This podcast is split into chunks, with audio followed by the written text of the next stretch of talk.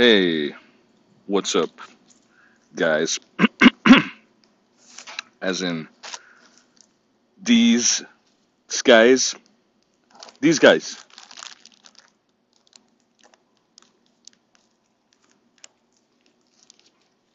these guys, disguise, disguise the limit, the sky is the limit. Damn it, disguise, disguise the limit. Hey, disguise, these guys, this guy, this guy is the limit. Disguise, the sky is the limit. Disguise the limit. 81%. Well, I was just thinking about you guys because these guys. Just thinking about you guys. I was listening to um, me. I was listening to me. I was looking at my reflection. And I was like, oh, yeah, those guys. They were there too.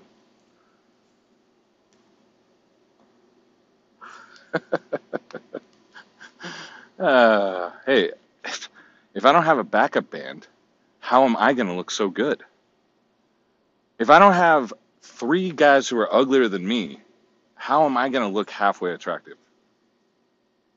How am I going to increase my chances of mating if I don't have a reunion with one of my old bands that wasn't even my best band?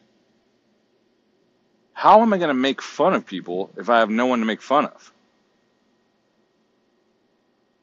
How can I be a narcissist without a mirror? Is that even possible?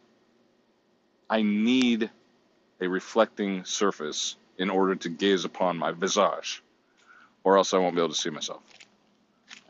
And narcissist has one, two, narcissist, three syllables, but narcissism has four.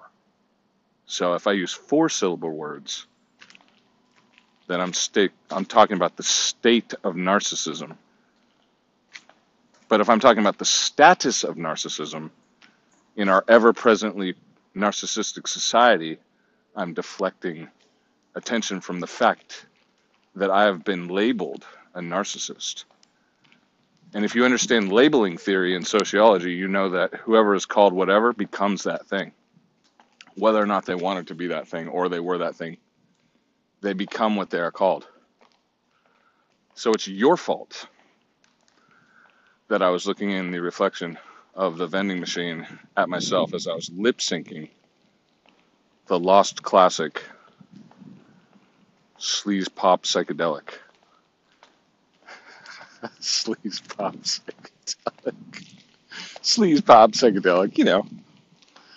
So what what kind of genre are you guys? Oh, genre is a French word, but we're sleaze pop psychedelic. Three words. Sleaze pop psychedelic. Sleaze. Sleaze. oh, fuck. All right, so I said I would do it if Nikki Sixx would release a reality show about us on TV. And television nowadays, I'm not talking about your smart TV and your Chromecast from your smartphone. No, I want to be on motherfucking old fashioned, expensive, and lame TV. TV. Two letters. One is T and the other is V. If I'm not going to be on TV, then you're going to have to fucking go find someone else to eat red Skittles. Because I don't eat red Skittles unless I'm on TV. T dot V dot. And it has to be sanctioned by Nikki Sixx because he has two K's in his first name, two I's, and two X's in his second name, and one I, and an N in the first name and an S in the second name.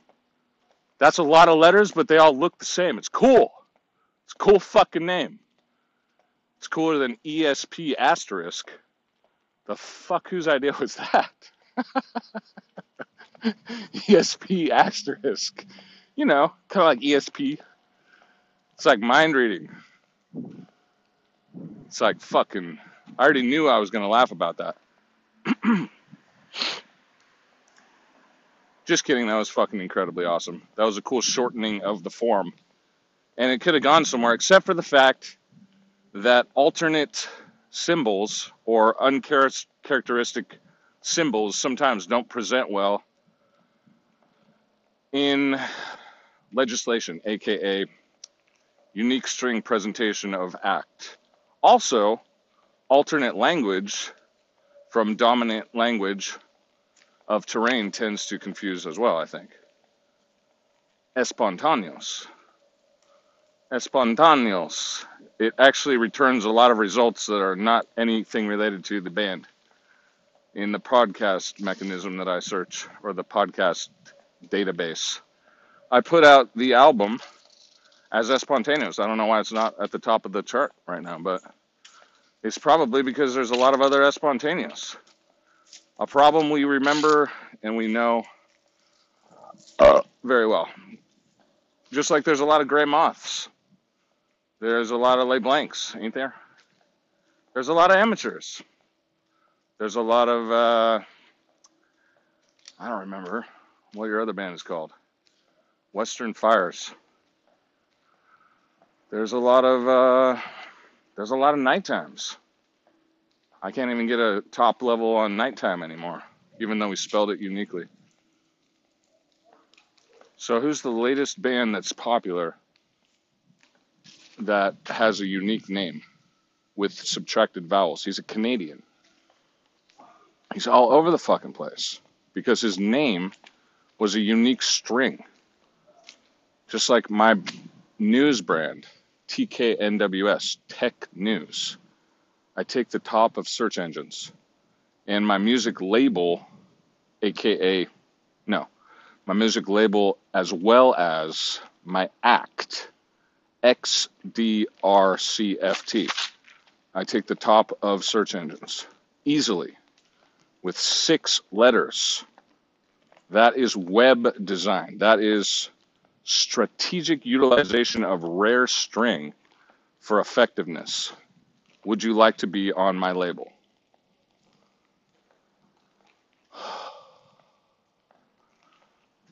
That's a question. That's an offer. My label is merely six letters that dominate Google, DuckDuckGo. I can dominate YouTube. But it's, as someone said, it's an unmemorable name.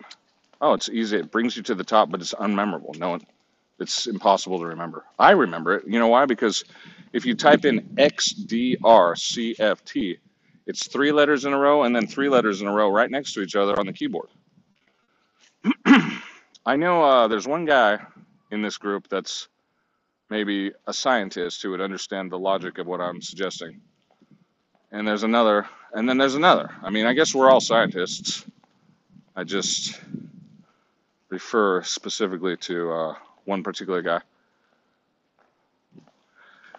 And I wonder if he can see what I'm saying. I mean, it's in the old days, you were like a label if you were like in the directory of distributors and they distributed CDs and tapes and vinyl records. Nowadays, like none of that is relevant. The only distribution is cyber.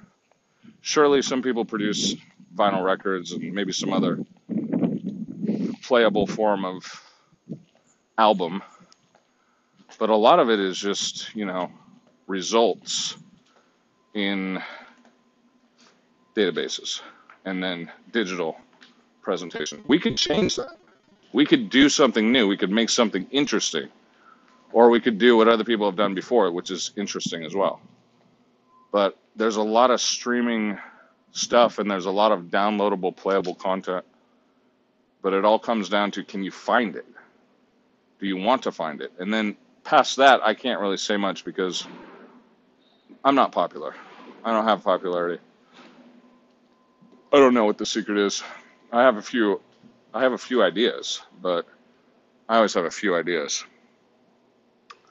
And I was thinking about that because I was like, you know what? I feel like there's a story I could tell right now. Maybe I'll tell it. Or maybe I won't. Let's see. Um, I'm thinking about getting a coffee. There's a story. There's a story of a man who was shady And we met him in the middle of Universal Studios. And after a while, he taught us a thing or two about how to pop a molecule. He popped a molecule, he said, of THC. He made it bigger and it made you get more high. And if you don't remember that story, perhaps you weren't there. Oh, in fact, one of those guys wasn't there. One of those guys wasn't there. There was a replacement in the group, and they said that this guy was the other guy's brother. And I'm wondering about that lately. Was he? But the metaphor of popping a molecule in a substance to get you more high is subjectively examined, and the conclusion can only be acknowledged once and if you have bought the product and whether or not maybe you believe in it for getting high is almost like a psychosomatic experience. And therefore, I think that the metaphor or the story of popping the molecule in some kind of biochemical procedure, which may or may not even exist, which I don't think it exists, to get someone more high is adding value to the product.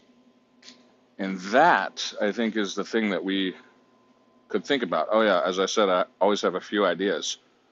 Now, I didn't think about it at the time, but I've thought about it since then. What does it mean to take a band or an album and then hack it or add value? We were all scientists. Don't turn that into a song. We were all scientists, and some of us succeeded, and then you know there was a, there was another lineup change, and then and then things changed. And you know, lineup changes became for me like I mean I got nixed. I think that time I basically was xed out of the arrangement, uh, as far as I recall but uh, I wasn't planning on being nixed out of it. But you know, maybe I didn't uphold a certain end of a certain bargain or something, and I was going through a transition, and I also was going through an injury at the time. So, and that injury persists. I'm still disabled in the same way, basically. So I have a certain limitation in my life. I mean, I'm not able to always be 100%. But um, I was thinking about my assets and like what I offer usually in a in a procedure or a project is I think that I offer ideas. So I take something that's pretty good and then I try to make it better. It's kind of like Hey Jude. Let's see. I, I'm thinking I really want a coffee, but I kind of don't really want a coffee. What about a mocha? Nah, I'm just making want to shit. Um, but I like the idea of like purchasing another fucking beverage. Oh, there's a soda. I could hit a soda. And I could hit a cracker or something. Hit the crackers. Hit the plane down. I saw a guy wearing a pavement shirt today. Hit the plane down. And uh, he was wearing a mask too. It's 2020. It's 2020. We are wearing masks. We're wearing masks to keep ourselves sick. I mean, safe. Safer at home. We must stay safe. Stay safe. Stay at home. Wear a mask. Do not exhale, except for if you take your mask off at a restaurant, and then you may breathe and laugh and look at people in your midst. But you are not allowed to have more than six friends at a time, or you might get someone very, very sick and you must remain six feet away from strangers, and you must wear a mask. And you cannot wear a certain mask unless we say it's the right mask, and you must wear a mask all the time. And we believe in this because we want to keep people safe. What do you want to kill grandma? Are you an evil narcissist? You're a narcissist, aren't you? All you do is care about yourself. You just want to care about yourself. You're selfish. Selfish. Mm, God, I can't decide what to do. I'm performing right now. I'm trying to teach these guys a couple lessons. Uh, not, I mean, they could teach me a few lessons. I haven't heard them lately. What, what's up? What have you got? What do you got? So I didn't say no. I said, you know, let's be real. Like I didn't say no. I said only if Nikki Sixx will make a reality show about it and put it on TV, or we could look at my exact input as I communicated my ideation. Oh, I already got a snack. I got pretzels. I got gummy bears. I guess I'm getting a. Do you remember my favorite soda? I'll give you some points. I'll give you some beaver points. Leave it to beaver points, or you'll get some evil Boy Scout points. Oh, I shouldn't have even done that. Let's see, uh, E4. We had a procedure for acknowledging deviousness as well as um, decent, esteemable, generally understood as good behavior. I don't remember what the first one. It was like beaver points, but it was like leave it to beaver. Beaver cleaver points, and then we had. I definitely remember the second category was evil Boy Scout points. uh, and it was like towards the end of it, it just sort of like it got off the scale of like anything comparable. I think someone got 10,000 points in some division, and then that was the last I saw of the analysis. All right, let's see. I got soda, pretzels, gummy bears. Good enough. Like I want more, but I think I'll take a break. Oh, I'm gonna get this sea salt and vinegar. That'll be good enough. Okay, let's do this.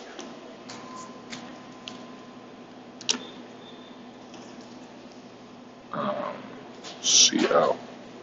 It's a funny one. C. Oh, all right. Yeah, I was thinking about this girl that we all knew. At least three of us held her in our arms, um, and I think one of us kissed her, maybe. Oh wait, oh, I think yeah, I kissed her. I think we all kissed her a little bit. Uh, what was her name? Um, I don't really want to say her name right now, but well, I probably remember it. What was her name? Oh, oh yeah, yeah, yeah. She had this interesting name. It was kind of like a Native American name or something. I think the rumor was she moved to uh, Austin, and uh, she was a cutie. I think we all liked her a little bit. I know I did. I liked her a lot. I thought she was cute. She was kind of sexy and she's pretty. I tried to flirt with her. I think after you guys left, I was. I think I was in Santa Cruz, and I went to visit her once or twice. Didn't really work out for me and her though. But I was there. But as I was there visiting her while she was sick one time by her bed, another dude showed up. And it was like, how many fucking dudes are gonna come visit this chick when she's sick and like offer to bring her chicken soup? Oh yeah, that's what I did. I brought her some chicken soup. I was like, okay, this is this is quaint. This is like Beaver Points, Beaver Cleaver, and uh, I thought I was doing like a good thing. But isn't that why we do things for each other? We try to be good so that we can what remain friends with somebody, or then they'll like us, or they'll be like, oh, oh, you did you did me a solid. You did me a good one. I mean, really, it's like every single act that we do is like a, a performance art. It's like it's, it's a negotiation. It's like I'm trying to do something for you. Like I want, I'm giving you this so that maybe you'll know that I want to be your friend, or I want to, I want to be known as like a good friend.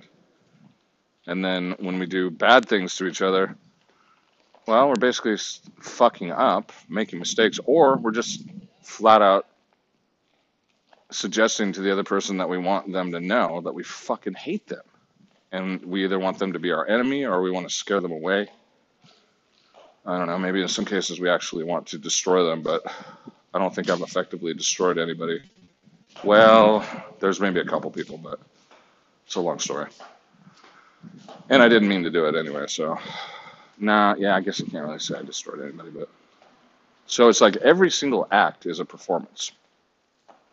And I think we're constantly negotiating.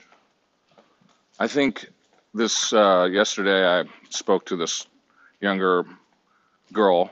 She's just probably like 22 or something like that. She was a clerk and she was helping me. I, I was buying something. And I asked her because the debate was on TV. And I just walked in and uh, so I said something like, Oh, so who's winning? And she said, You know what? I'm not paying attention to that. And I was like, Oh, really? And she said something like, Yeah, I just sort of stay out of politics. She's like, You know, everybody has a different opinion. Some people have this opinion, and then the other people have this opinion. She's like, I just try to not have too many opinions about all that stuff. And I was like, Huh. And I was like, You know what? That's probably wise. And then I was about to say something like, I, on the other hand, have the exact opposite approach. I have opinions about all kinds of politics stuff all the time. I, I, I'm fascinated by politics and the debates and the arguments and the issues, and I'm practically obsessed with them almost as much or more than I was with music when I was younger. And like I still listen to a lot of music, but like I'm really into politics and I'm really into journalism and news. And for me, I think briefly, it's an obsession with morality. It's like, is there a right and a wrong in this instance, or is there at least acknowledgement of like what is right and wrong? And then the contrast is if someone says something or does something, it's it's an analysis of who's who's being consistently or who is being consistent about their definitions of right and wrong or if there's ambiguity like who's being tolerant of the ambiguity or remaining somewhat open-minded and maybe even forgiving at times or if people are completely hard line are they consistent? If not i basically would call them hypocrites. And i think that's the joy of being constantly obsessed with news and stuff is the the search for hypocrisy basically which i basically i relish and i revel in announcing or celebrating hypocrisy as something that is contemptible. Contemptible, yes. And I, some other people, you know, and like I was thinking about it for me, news is like sports. Like some people like football games. I don't watch football. I don't watch basketball. I don't watch baseball, except for very rarely. But like if you are against the other team and they lose, you're probably going to enjoy it. I'm almost certain they love it when other people lose, but they also love it when their side wins. So, I mean, I think in sports it's more about excellence of physicality as well as strategic utilization of the talent or the team, which usually is about the coach and possibly the core players who combine and uh, I can acknowledge that as like something that's kind of interesting, but I just I'm not that passionate about sports. I really don't care. But politics, I don't know why. I just it's almost it's like it's just almost as useless, but at the same time it's about our life and our world, our government, our economy, it's all that stuff. It's what's happening now, it's what's happened in the past. Possibly, although might people might disagree that politics can make our world a better place. But that's politics in the sense that if we engage in that political process, which doesn't necessarily relate to our government, but is often thought of as relating to whatever our government is, the theory or the hope is that we can actually make the world a better place. But then politics is not necessarily always in governmental rooms or through you know procedures related to the government. In fact, I still don't know what it means when you go to jail and they they call it politics, but it's about the same thing. It's like it's a negotiation of space and resources, really, which is the definition I remember. I don't know if I shared that with you guys a long time ago, but I think I did. I found the definition a long time ago, and I don't know if I could find the same definition, but a long time ago I learned somebody said that politics is the negotiation of space and resources, which were like goods, materials, services, that kind of thing, including air, beach, river, Wi-Fi, electricity, those kind of things, and access to it. You know, I mean, but it's also like, I mean, a lot of that is done in the so-called economy when we bring our money to a relationship of services and goods, or if we explore our terrain and we look for free stuff or like free opportunities or land or anything, free Wi Fi. So it seems like a lot of uh, our negotiations of space and resources could be called economics, but it could also be maybe defined as politics. But yeah, I think the definition that politics is the negotiation of all of that stuff, especially when it becomes, I don't know, practically orderly and related to law. But right and wrong and how much and how little anybody gets, those are topics generally like just like debated endlessly in almost every element or every every conversation about politics. What is right in this instance? What is wrong? Who deserves what? Do I deserve more or do I deserve less? So I feel that, you know, in general, politics is something that is like kind of unavoidable, but it depends on how you define it. If you think that politics is only Republicans and Democrats, then, you know, I can understand why you don't want to do politics. But if you also realize that politics is probably the negotiation between you and the other driver in the lane as you go forward and like who's going to turn first and who's going to turn if you look at it like that in the definition that it's always a negotiation, in that case, you're going to have sign language, turn signals often, and maybe a middle finger. If the debate is too contested, and then you're going to have signal or communication,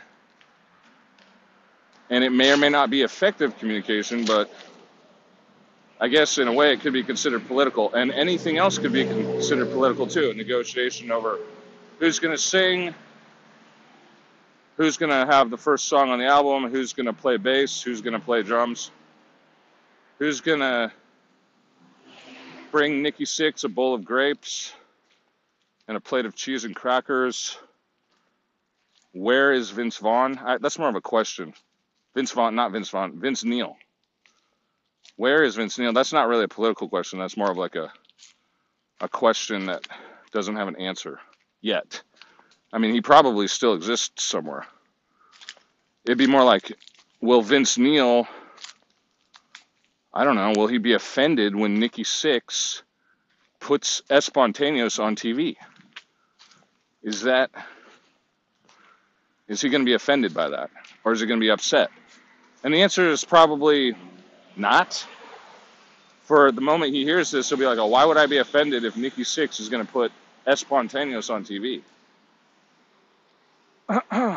Unless Nikki Sixx already had, you know, a, a prior agreement with Vince Neil about some kind of choice or preference to which band is coming out or who's going to pay or what money is involved or what style or what time.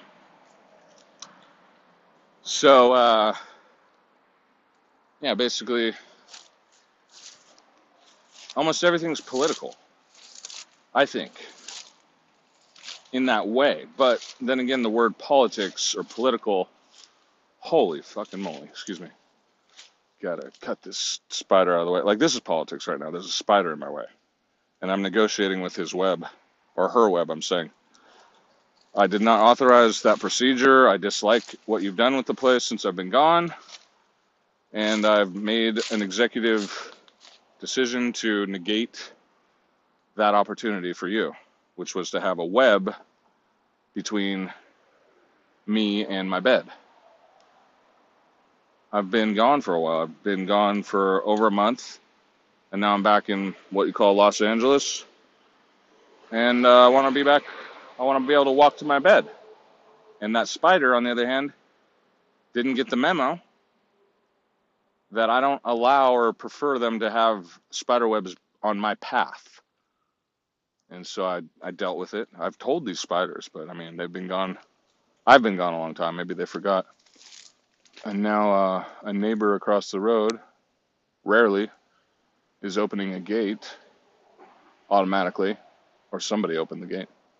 And now their car is emerging. And so I've ducked below the sight line of the hedge. So it's likely they won't probably see me. And I may have a better chance of staying in my space. MySpace, the social networking app, a little longer. No, it's not an app. Isn't that funny? MySpace was all around before there was an app. MySpace was never an app. It's kind of funny. Okay, so I got some sunglasses. Oh, I got my cart. Everything's still here. Right where I left it. I knew there was a good chance of this. I got I got some more politics lessons for you. I got my big producer's glasses right now. They're big and thick and black. They look like I'm an old hag that wants to like wear rhinestones on my fingers. I'm like 70 years old and I'm darling. And then I got I got this USB guy over here. He's he's a monkey, and he's got USBs coming out of his hands and his feet. I haven't tried them yet, but that would be good for us if you wanted to charge up your phone. But the thing is, is you probably already have a charger. What's that? No, and then I have like a beluga whale. How the fuck do I have a beluga whale? Like it's a little floaty toy from China. It says October 2019. Where were you? Oh, and then I got these funny little metal things down here that are they're actually cork stoppers for probably for distilled liquor. And I thought that maybe I would. Um, they're still. I mean, I don't drink anymore, but like this one shows a little dog and it's got a cork. See, I could give you these things, but you wouldn't probably want them. You wouldn't want to use them, or if you even if you thought they were cool enough to use, like probably your girlfriend would be like, "You took a bum's corks and you put them in our liquor." You're like, yeah, but they have like little putrid dogs. They're like cool little dogs, and there's like an elephant, I think. And they're like, you put a bum's corks in our bottles? And you're like, dear, um, ah! And like I'm saying, everything is political. Like if I gave you a gift and your significant other didn't like it, or you thought it was okay, it was still permissible, but they have a different expectation of cleanliness or health then it becomes an argument over politics. So 2020 is COVID 19, which is fake. It's absolutely fucking fake. And everybody and their fucking uncle is making little stupid political arguments out of how I breathe. And it's it's all fucking bullshit. And I'm very often cornered and I'm stuck with other people's political power over me. And I'm fucking tired of this crap. I'm fucking tired of a hundred fucking idiots telling me to do stupid shit for something that's not even real. And I know in one case that somebody believes this shit is real. So I'm not going to say they're stupid, but I'm going to say I've had time to contemplate and learn a lot this year about one particular topic. I've had about six months. I've studied that topic every day. But on the other hand, it's almost like that saying, you can fool a fool once or whatever the fuck. I can't say it. I end up copying George W. Bush. Fool me once, shame on you. Fool me twice, shame on me. That is the fucking real quote or the saying. He fucked it up, but in that infamous video or one of those videos where it shows him being kind of silly. But you know, they fooled us on 9/11, and if you didn't learn back then, then fucking shame on you this time. But there was another guy who I thought he understood 9/11. I thought he understood 9/11. I have a reason why he had a bumper sticker in his car, in his van, that said something like Bush, Bush knew, or something like that. And I was like, so I always thought that he knew the truth about 9 11. In fact, I recall him telling me that veterans or homeless veterans on Telegraph or Shattuck in Berkeley had taught him from the beginning that 9 11 was a fraud and an inside job or something like that. But I guess his memory's not that good, or he's able to change his mind over the course of time, course of time, and change his mind back to this other idea that Alex Jones is not a reputable source of information. Well, things change over the years. People have an opinion and then they go back sometimes. And I think that, you know, if I'm not there, or if someone like me is not there who's like devoutly interested in empirical data and fact, if, if someone like me is not there to correct the record and to remain persistent in understanding what is real, then other people will go off and pretend or not know what's real. That doesn't mean I always know what's real. That doesn't mean I always know what is fact. But I have a devotion to fact and truth and reality. I also simultaneously have a devotion to fiction and fantasy and creation. In fact, I was just listening to an abstracted fantasy and a creation that was created in approximately the year 2004, which seems like a long fucking time ago. In approximately the year 2004, four individuals recorded performances on analog tape, and that entire session or procedure eventually was transcribed somehow into digital form. Uh, I don't exactly recall how, but then after that it became copied and copied and copied. And I was recently listening to a copy of that.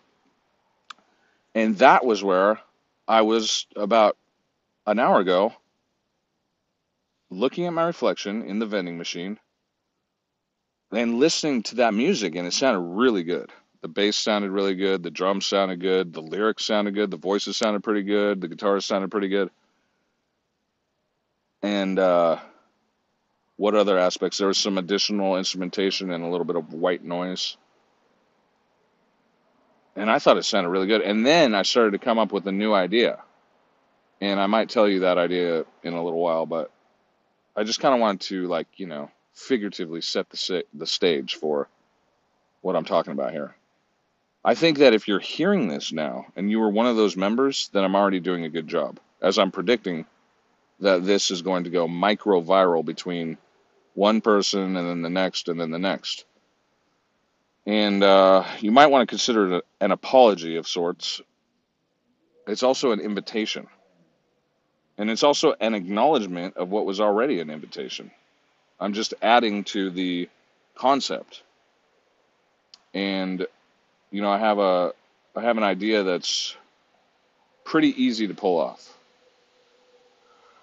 But I also have um, I have a lot of ideas, you know, and some of them maybe are about music, and some of them are about other things. And I'm not really super super into a lot of things, but I want to be economical, and I mean that has like many definitions of the word economy. But economical to me means doing a little and getting a lot. I want to use a little amount of power and a little amount of work to reap, I guess that's figurative, one of the bigger rewards as of late. I want it to be worth it. Do you not? Because at our ages, I think we're all about the same age. I think one or two of us is maybe a little older and a little younger, but now I can remember actually, but most of it. But you know, a year there, a year there, it's it's like sometimes that matters. I mean, sometimes that makes us act different ways in relationship to each other, but we're all about the same age. And uh, I think that we all know by now that we've tried a lot of different things. Like we've all tried different things, and like, has anything really worked? And what are we trying to do? It's kind of like back to that popping the molecule thing. So I almost feel like I should just press stop and like leave you hanging with that idea. Like, what is my new idea to pop the molecule as we try to sell this one more time?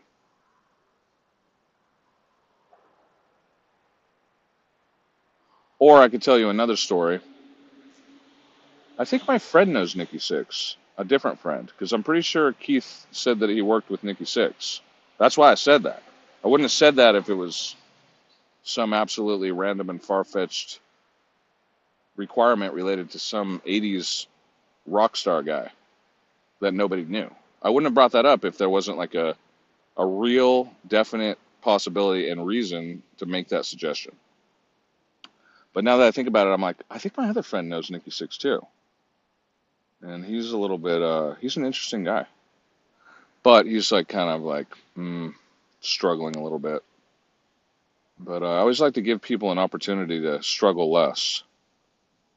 And uh, sometimes they take my my inspiration or my direction, and sometimes they don't. So yeah, it's like I mean, I'm not trying to say I'm the end all be all, but in the cooperative efforts that we always try to engage in together as a band, or as one band becomes another band, and then another band loses a member, or somebody comes back, or something like that. That happens a lot. Lineup changes. But whenever I'm in the band, I'm almost always trying to work for the band. I'm working for myself as well. I am in the band.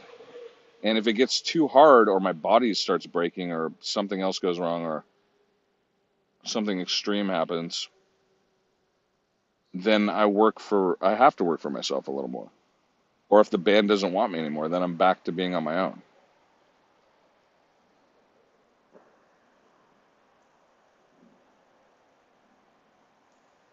I don't know. I don't really like what I say either, but what does it take to direct? What does it take to tell people what to do? One one person, it could be you, it could be me, could be her, could be the other person way over there, it could be a tranny, it could be anybody. But we usually gender typically. Some of us are more obsessed with gendering and misgendering than others, but one is the neutral term. One usually directs or suggests, and then others maybe agree. And then there's a, you know, a renegotiation or a counter presentation or a rebuttal or a refusal or a modification of the suggestion often.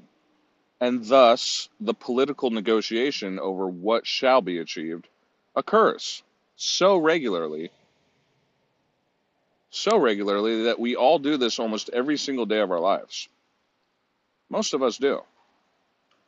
We negotiate constantly. We negotiate over space and resources constantly, do we not? I mean, I luckily negotiated this damn Dr. Pepper out of a machine.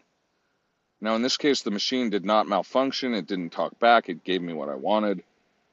Thank goodness if you heard it crack about a minute ago.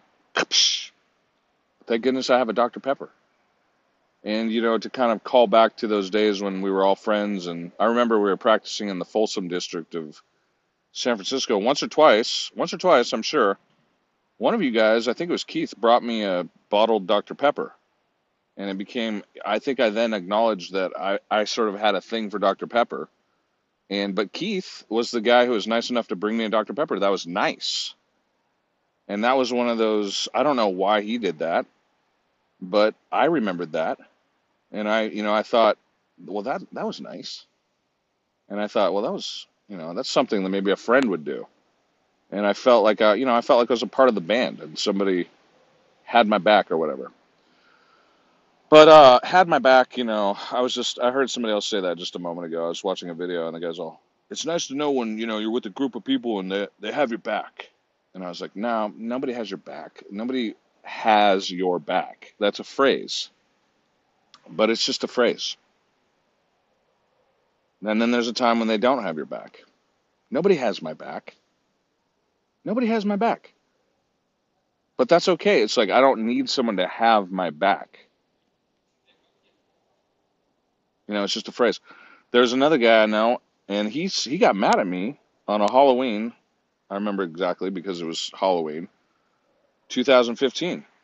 Somebody came charging at him and basically started this crazy fight with him in the middle of I was going to say literally, but that's refers to books and the words that, that are written in the middle of actually 300,000 people, probably, approximately, maybe 700,000 people. It was one of the last big Halloweens I went to at West Hollywood. I don't know. I tried to go last year, but I didn't make it. But uh, so this random ass tall dude came flying through the crowd and crashed into my buddy, who I had just previously decided to go into the uh, the parade with or the revelry, and it was him and I and this girl and his dog. And suddenly, this fucking random ass dude. A lot of people were saying hi to my friend because he's a very distinctive looking dude. I don't even want to say what he looks like right now, but he's got this very colorful face that he wears all the time. He has a hairstyle, and he's very distinctive looking. And he looks like a memorable character. If I told you what he looked like, you you might even know him. But anyway, and so this guy comes out of nowhere and basically runs into him and knocks him over, almost tackles him, and then gets up and acts like there was nothing wrong with that. And my buddy just got, just got really mad and he started a fight with the guy basically. And I remember him saying, I'll destroy you. And I was like, oh fuck. And I had just like gotten out of jail like uh, about a year before. I was on probation. But even if I wasn't, there's no way I was going to help two people fight. I mean, the only time I usually step into a fight, if I ever do, is when someone's getting their face kicked in or something. Then I might come along. It's almost like a reaction. I don't really, I don't know if I've ever done this. I did this in one case. Somebody got kicked in the head, and I just, I went after the person because I was like, you can't do that. Like, you, I can't stand that. If you, if someone's trying to destroy someone in front of me, and it's not a fair fight, then I might try to stop it. But I'm not going to team up against another guy or anything like that. And in that case, I thought that the guy was like, I thought he was kind of overreacting. My friend that was to this crazy guy who didn't really seem aggressive or so much as just negligent and kind of crazy. And it was like, I mean, I kind of thought he should have just said, "Okay, buddy, you know, you know, you ran into me." But the other guy, I think, kind of started it too. But I don't remember exactly what happened. But after it was all over, the cops even showed up in the middle of thousands of people. Well, they were there, but they showed up. And uh, then my buddy, after it was all done, they even put handcuffs on him. And then he talked his way out of it because he didn't start it. But and then uh, he kind of looked at me and was like, "I thought you had my back." And I was like, "Whoa." Like I didn't think I had anything to do with this, let alone that I barely know this guy. We're kind of friends, but we're not like blood brothers or something. And it's like, no, dude, I, I'm not gonna get in a fight for you or with you now. Especially when you're the one hyping it up. I'm not like that, dude. I don't fight in the streets with my gang or my my band. I'm not I'm not going to go out there and fucking do the wrong thing. You know, so um, for me, it's like cooperation and collaboration comes down to. I mean, I like to remain civil. I like to get stuff for us, but I like to probably stay within the boundaries of law, and I want to try to stay safe. I mean, I have my requirements. You know, I have. Later, I kind of um, put it into a slogan: "Safe and legal." And I'm I'm not always I'm not always successful with that. Sometimes I'm unsafe, and sometimes I'm illegal. But when I'm trying to cooperate with people, like I want to be safe and legal. Safe, pretty much being the first thing. For then if like we've got to be illegal for a moment or do something to stay safe or whatever it's like okay but illegality is often unsafe because it usually can lead to jail or fights or violence or danger. And illegality is just not really my favorite form of uh, behavior and i like to stay safe i don't want to go to jail i don't want to crash i don't want to die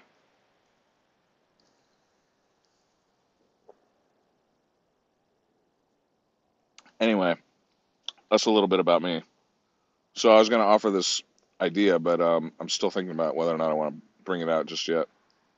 I kind of like telling these stories because I feel like, you know, they sound boring when I start talking about what is politics or something, but then I bring it back to like definitions, but then I bring it back to our personal experiences, and I think that we can all remember. But I like to define them in basically highfalutin ways or big words or big conceptual ways because then we can all learn from other people in other industries and other times of history and stuff if we an- analyze as it relates to like these categorizations or if we think maybe more abstractly. I believe, but I also wonder at times whether or not all that abstraction and the so-called big words, which you guys used to make fun of me about, 50 cent words, if they're even relevant. I mean, maybe they're just big words that are synonymous with smaller, more common words, and the entirety of all this university talk or the academic lexicon or this, you know, kind of so-called sophisticated jargon is useless and irrelevant. And I've noticed that like almost every single large, well, large is just a different way of saying like a voluminous amount of bluffery, academic or otherwise, almost all of it, if it's a real story, can be reduced almost always to like some common saying. Like, well, you get what you deserve, or, well, you can't win them all, or, yeah, every dog gets his day. I like that one. That's the one I think I'm working on right now. Every dog gets its day. And then there's some I don't even really want to say, but what about the story of the tortoise and the hare?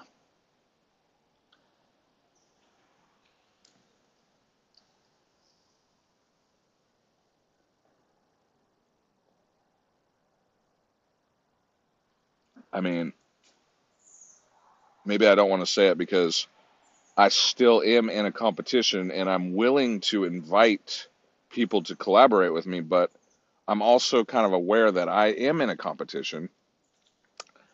And it's like friendly rivalry is like maybe one of my favorite inspirations, but I'm also kind of, you know, I'm kind of feeling like, you know, in my, from my viewpoint, I'm like, there is like lessons that I've been inspired by since I was a kid. And sometimes I feel like, you know, maybe some people didn't hear that story. But that's just one way of looking at some stuff. And then I see that collaboration with divergent uh, strategists or scientists, cooperation when we can, and as well as some kind of maybe even unconscious competition that is almost constant. I mean, if you look at psychology, I'm thinking of Stephen Reich right now. Not that I know him, but I read or I saw a movie where they talked about him, and they said that a family, instead of being a loving, supporting group of people, is actually a, a fiercely, viciously competitive instance where the siblings are often competing for the affection of the mother and the father. And I think that's true. I mean, if you look at most of your sibling relationships and stuff, maybe not always, but I've been watching kids on Facebook recently, and there was one video about um, sibling rivalry and it's the video said it was all about sibling rivalry. Well, the first few videos showed siblings being crazy aggressive to each other and spiteful and just outrageous. And then it went to just kids being kind of funny and doing funny things and there's not much more about sibling rivalry, but I guess it was just on my mind and then but that's sort of how it feels to be in a band too is like, oh uh you know, we're kind of all competing and I always just felt that the best thing we could do about that is to try to negotiate where everybody gets what they want. You know, and we try to work for things that we all want together together. And do you remember the word that I used to use? I call this the act of accommodating versus the other idea of compromise. And accommodation is, I think it's a more successful um, preference of an outcome, but it involves, you know, give a little, get a little. Like if you want that, as long as it doesn't go against what I want, then I'll try to facilitate it, but a little bit like tit for tat. What will you do for me? And it does seem like, you know, maybe in a lot of cases there's a lot of micro obsession and managing. And I recall a couple times where it was almost sad. And I, I'll take uh, I'll take what do you call it, the blame or the I'll show that about myself as well, uh, except that I was practically obsessed with having my fair share of everything. In fact, I think the most symbolic moment of that was when we were mixing the album. I was very interested in hearing my guitar at the approximate same volume as the other guitar, and down to when we were pushing the faders on the mixer, like just little micro pushes up and down. Usually for me, I was like up. I want, I just want to hear my thing a little more, and then to the point where our our producer at the time, Chris, I had burrito grease on my hand, and I was fudging with his damn mixers on his eight track, and I left like a smudge of burrito grease on his console, and it was all over me wanting to hear my guitar just a little bit more, and like he he got kind of he glared at me or something, and I never really saw him mad before, but he I think he came by with a paper towel and wiped that grease off his thing, and I just kind of felt maybe at that point just like a little bit embarrassed that I was so neurotic about the balance in the mix. But on the other hand, when I mix my own work and I have two instruments on an eight track or a four track or whatever, and they have the same mid range with complex, you know, um, it's complex uh, production of notes, whether it be a keyboard or a guitar. Sometimes I'll mix a, a keyboard on one side and a guitar on the other, or if there's like a rhythm guitar, I'll put it sort of to the side, and then I might. Sometimes I put the bass to a different side, but I usually keep the bass in the middle. But the point is, is I will obsessively and neurotically scape the mix with that same amount of precision to balance out the mix so it sounds good in my ears, even though in these cases I'll usually be the sole instrumentalist and I might have recorded three or four, five different instruments. And I'll do the same thing with vocals.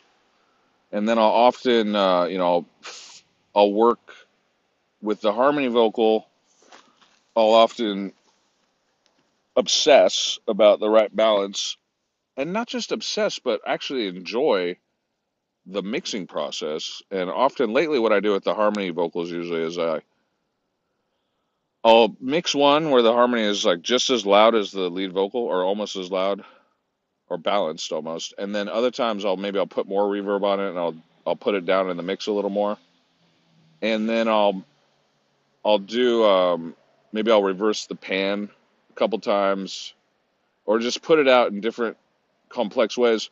And lately, I'll do that. I'll I'll mix like you know, five, four or five maybe different takes because it's so easy. It's like, oh well, I'll just put out another take, and then I'll put it in the batch of that album or whatever, and then I'll I'll tell myself I'll decide later, because like I might have a favorite then, but then later I might have a different favorite. And it kind of depends on which speakers I'm listening to, too. If it's headphones or small headphones or big headphones.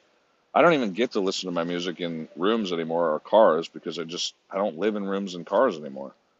And nobody invites me over to listen to my mixes. Not to get all sad about it or contemplative or negative, but I just I haven't had that chance. In the old days I used to mix on my mom's speakers. They're actually my grandmother's speakers. And speaking of siblings, by the way, but my uncle, my mother's brother, he had bought my grandmother, or he had bought, he had chosen maybe. I don't know if he bought them or not. She probably bought them, but these very nice, like high end speakers. And um, we had a great amplifier there as well. And uh, I don't even know if people still play music like that anymore. It seems like a lot of people probably just plug their iPhone into some system and press play. But, you know, back in the old days, we had amplifiers uh, and uh, it seems strange to even call it that anymore. But yeah, I had a CD player, and I would had the RCA cables in the back, the white and the red, left and right, and bring it into the amp.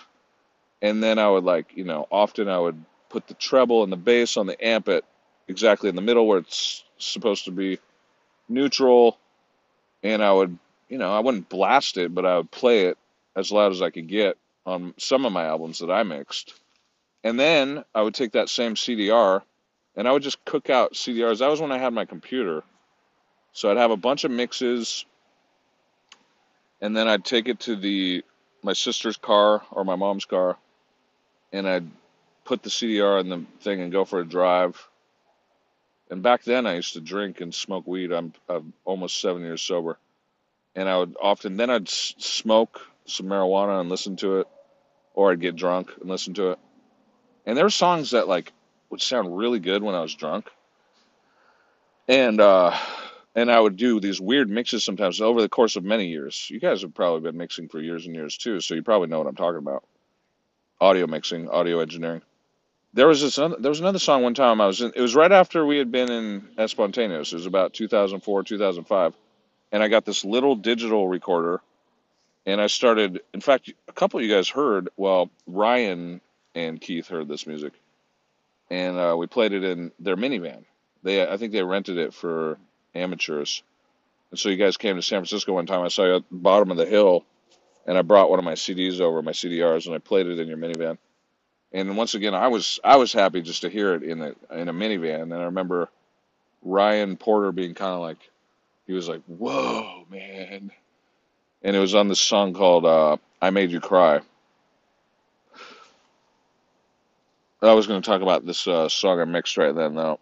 But um, that reminds me because we used to play "I Made You Cry" right at the very end when we were at that rehearsal studio in Oakland. I forget what it's called.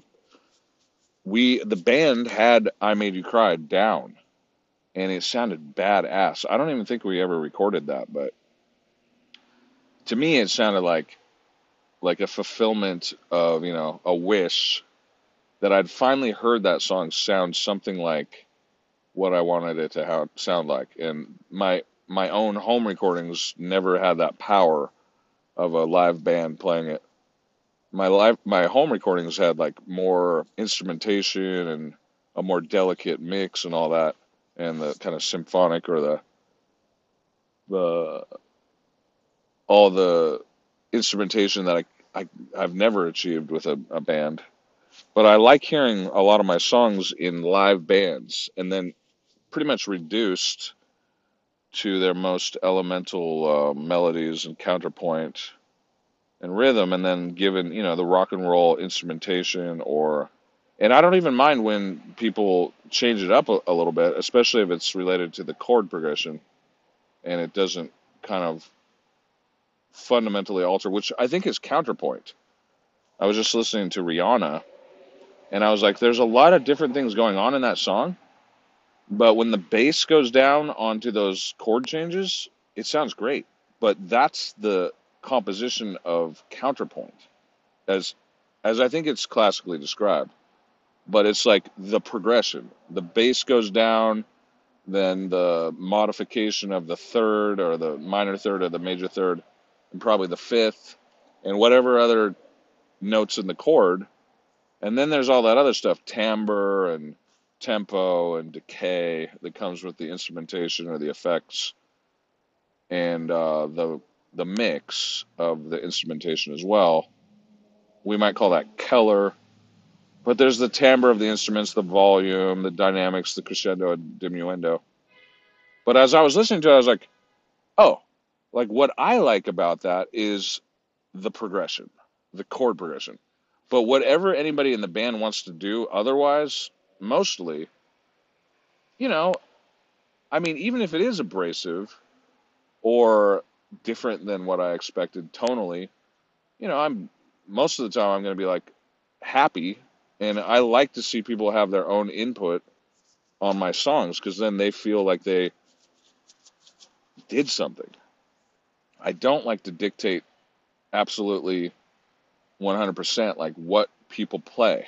Someone did that to me on his song, and I was like, man, I'm playing it pretty close. Like, just let me do my thing. Besides, you're not playing with my fingers. Like, I want to have some, you know, I want to have some investment in this song. Like, even though I wasn't playing the notes he wanted me to play particularly or precisely, I was playing them pretty close. But he's such a fanatic, like, he just wanted me to always play exactly what he wanted me to play. And that, you know, I just I didn't like his style of uh, management of my talent. And so I guess I always tried to do a little different. I tried to say like, here's my song. I like this song. Do you like this song? If you like this song, here's how it goes, but go ahead and play it how you want to play it and then we we we work it out. And then there's often negotiations over the tempo and other dynamics. It's always I mean, we we negotiated a lot of things. And then I guess, you know, that is a relationship that other people have, you know, when we could define it as who arranged those songs? The band. The band arranged those songs. The principal melody line and the chord progression and the lyrics, in, in most of those cases, were from me. There was a couple cases where we collaborated, and then it was like a 50 50 between me and the other guitarist. That's that's what a lot of those songs were. And then there was two songs that were by him. And he wrote the melody and the chord progression and yeah, the lyrics. So remember, and I think you guys probably do, when I said that I wrote those songs and therefore like that was my song or whatever, it was only related to the history of music and how those things are typically defined and uh, acknowledged in a legal way. And anything related to royalties was an afterthought to me. As I said then, I wasn't interested in gaining royalties off of the song. It was just that I wrote that song. And I was I was like always saying, well, of course we're going to split it four ways. Like we're a band, like the financial income we all we all are related to this project equally. Back then it definitely seemed like we all had an equal amount of input and then I went on to kind of describe in my mind back then I even remember saying Keith was putting in the most effort to manage the band. Therefore, in my mind, he should have been getting the most money if we got money. And he also had the most risk, I think, by putting in his own van. And uh, so my my idea was like I didn't even really want more money than anybody else. And if anybody was going to get more money, I thought that the main manager of the band should be getting more money because he was doing the most work, in my opinion.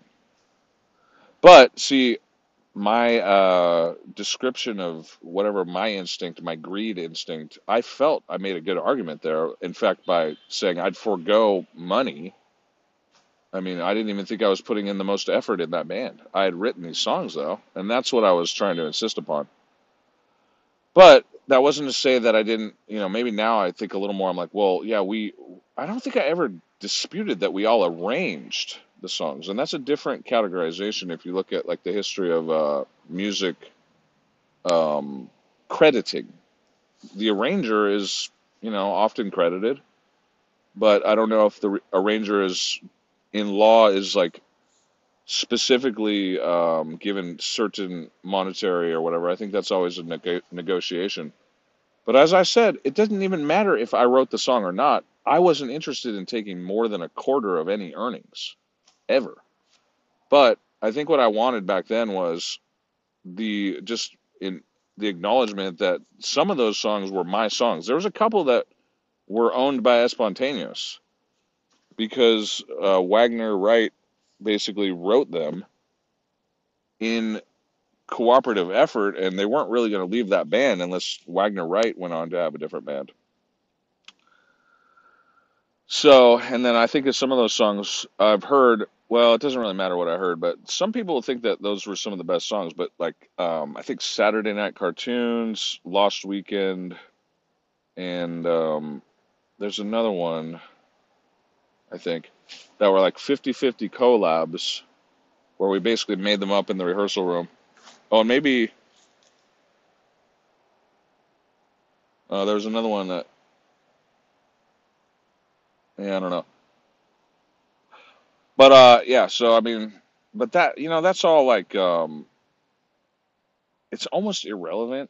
And it, it always was. And I never really thought, it was just that for me, it was like defined as like I was the writer. But you know, I didn't always write those songs down, but I usually wrote the lyrics down and I usually had the chords written down. The melody was just sung and memorized usually. But um, by that concept or the definition of who created the songs or who wrote the songs, in those certain songs that I had brought that were nearly complete or completed, and then I brought them to the band, I mean, I didn't think there was any dispute that definitionally I had written those songs but it was like it seemed that that triggered during another time, and that's figurative as well. Triggered that and other things that I had done triggered this idea that I was a narcissist and that I was selfish, and it just seemed like that became like the thing is that I was selfish and I was a narcissist or whatever. mainly selfish, I guess. Narcissist maybe was some insult that came from someone else that was borrowed and then levied against me. And that I think was why I was joking about it in the beginning, like what is narcissism and self-centeredness. I've always been aware of that. It's funny because the song Saturday Night Cartoons is about narcissism. It's about the presentation of the identity, the casual, cartoonish presentation that so many indie rockers put on, including me, to the audience. The audience that was in the bar or the performance space, and also the audience that heard the album. And it was the contemplation of my cartoon reflection. Like, who am I? I put this image out of something. I might have my hair all screwed up and dolled up, or I might try to make myself look good, or I might try to make myself look all casually scruffy and like I don't care, which was the whole pavement thing, the slacker decade. After all the hair metal, it was like pavement came along. Basically, I think pavement was the turning point. And when they sang, uh, "Are you to go and cut your hair?" heavy metal drummer or something like that. That's a pretty nice haircut. It was like the age of irony and indie rock came in. I don't know if they invented it, but that was for me like the turning point between the 80s hair metal and then the guitar magazine started focusing on pavement. And it just sort of changed this whole thing. And then the slacker mentality came in the thrift store t-shirts and the you know just like baggy jeans with holes in the knees and stuff. And like no hairstyles or just like a shaggy mid cut and it was like all that glam and the hair metal stuff is like suddenly became extremely unpopular. And within the space of like two, three, or five years, almost every single heavy metal guy had cut their hair. I mean, I think there's one or two that didn't, like Steve Vai, and there's got to be a few that didn't, but almost everybody did. And uh, that that's history. You know, I'm not saying I have it 100% solved. I'm just saying the the imagery that we put out as performers, it goes through phases. But we performers present ourselves in the middle of like what is a culture and then often we're in a genre that is opposed to another genre just like pavement they're like oh ha ha ha the excesses of the hair metal band well i think hair metal kind of is making a, a comeback and there was other forms of hair metal like emo. Emo became like the new hair metal. Like everybody had dyed black hair and like eyeliner and sometimes bandanas and dark. And it was very much like 80s rock and roll, but it was just emo and it's totally different. But it was like before emo kind of became all decorated and dolled up, there was like that, that like so called, it was like the authentic emo. And then there was screamo and then there was hardcore and people would wear flannels. It was kind of still like grunge, but and I don't know, man. I don't even think about genre anymore. But I remember back then, like, that's why it was funny because sleaze pop psychedelic. It's like, what are we? Like before that, my band in LA, we were like psychedelic indie rock. I kept saying that. I, I kept saying that over and over, and it was like, and it's it's like those weren't just. I didn't necessarily make those words up just to say like we were a thing, but when you're talking to a booker they say, What kind of music are you? And you tell them some things. And then you're on MySpace or back then, and they ask you for two to three three genres. And you type words in, or you can go other, other, other. But it was like back then the networking, the marketing, you're basically marketing your act. You're describing, you're defining it. And everybody whoever did that knows what it's like to try to give your music a name. Some people really, really are into one type of music and they call it one thing, and some people are kind of crossover. Nowadays, I just, I almost can't even imagine. Not that I'm so far beyond that, but I just don't do that anymore. I don't really label my music. And if anything, I try to kind of get out of genres when I compose. But once in a while, I'll go back to some kind of classic styles and um, I'll try to do those. But um,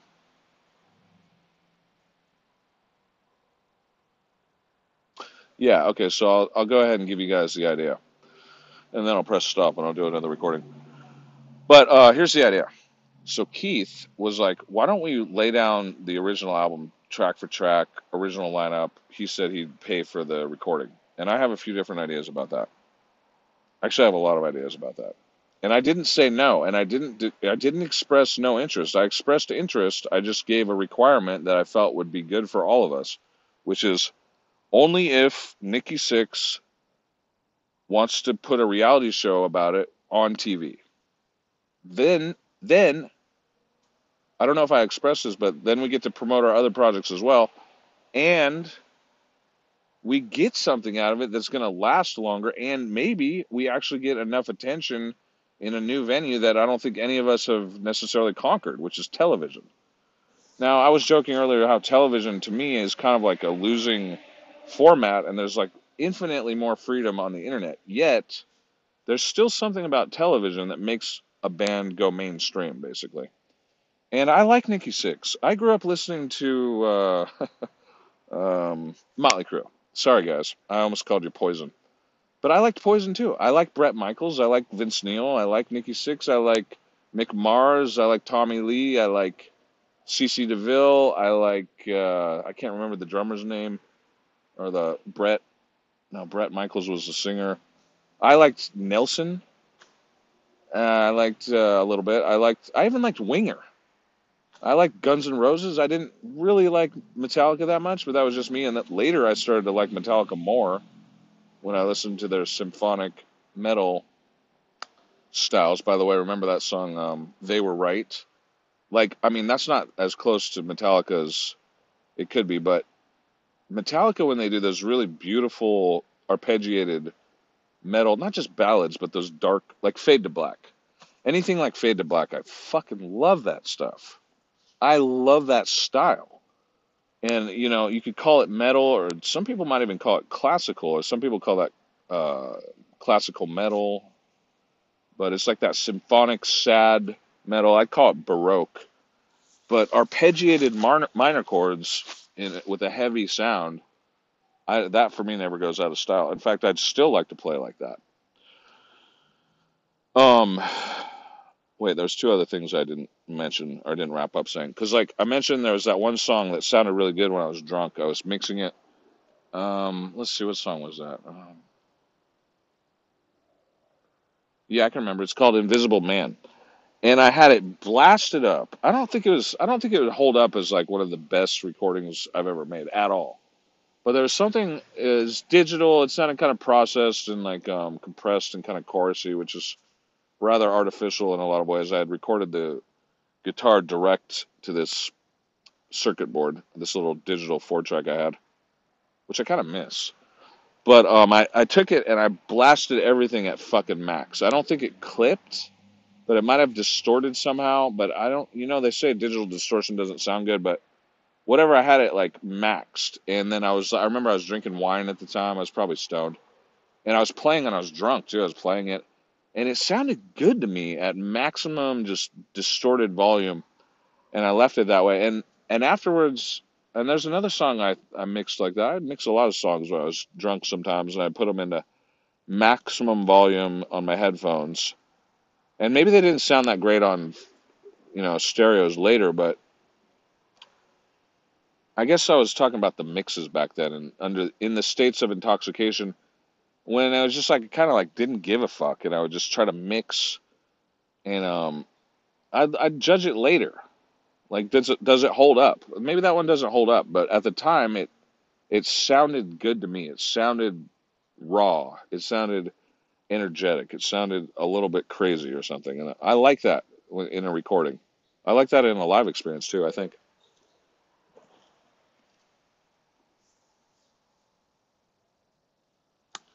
But I don't I don't drink anymore. I'm almost seven years sober. Let's see, and then there's the other song. What was I thinking? Um, there was that song.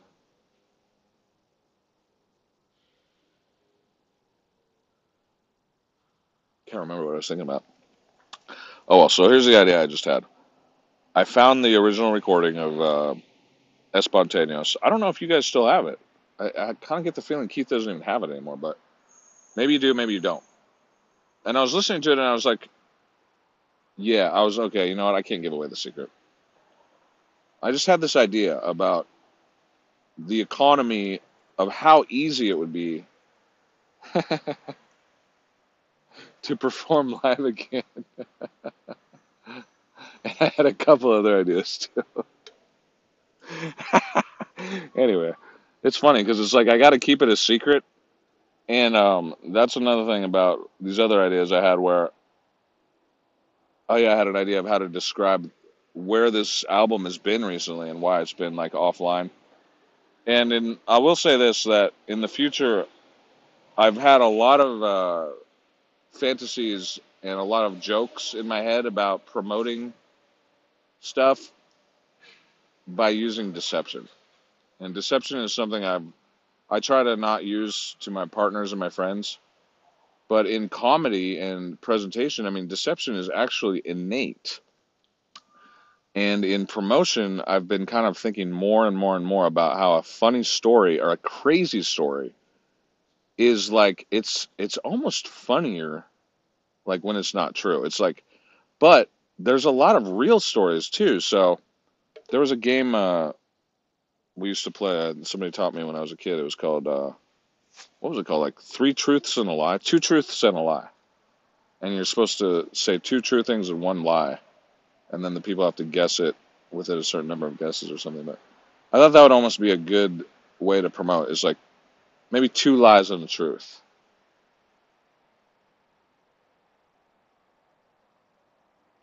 But I always go back to that because I just feel like lying and telling a huge ass fake story is like I think it's really fun.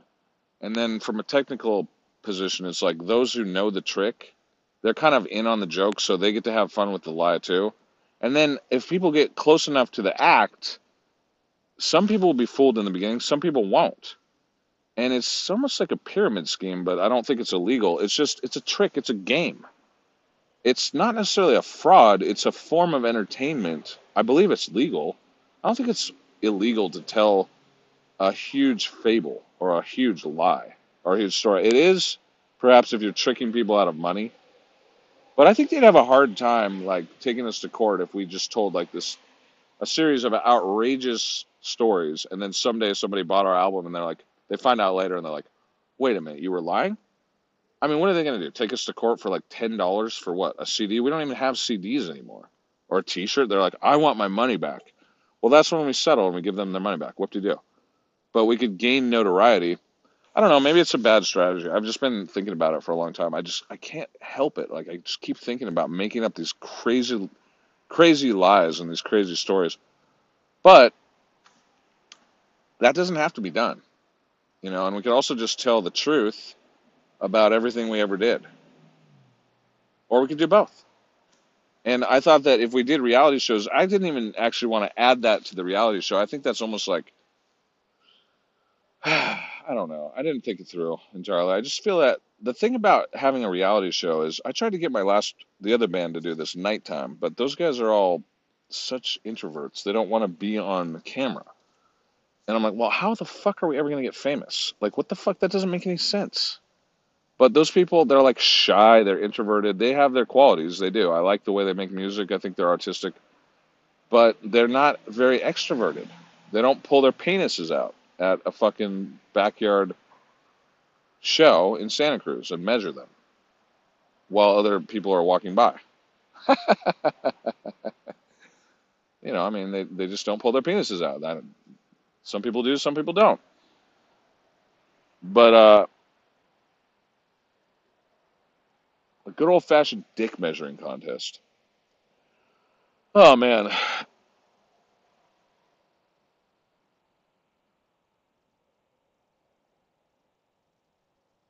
Yeah, so I had this idea. Remind me about it. It's how to perform the album basically not without breaking a sweat, but without without having to try too hard. and you could also remind me by saying it's related to this other band that was called the Bullshit Detector.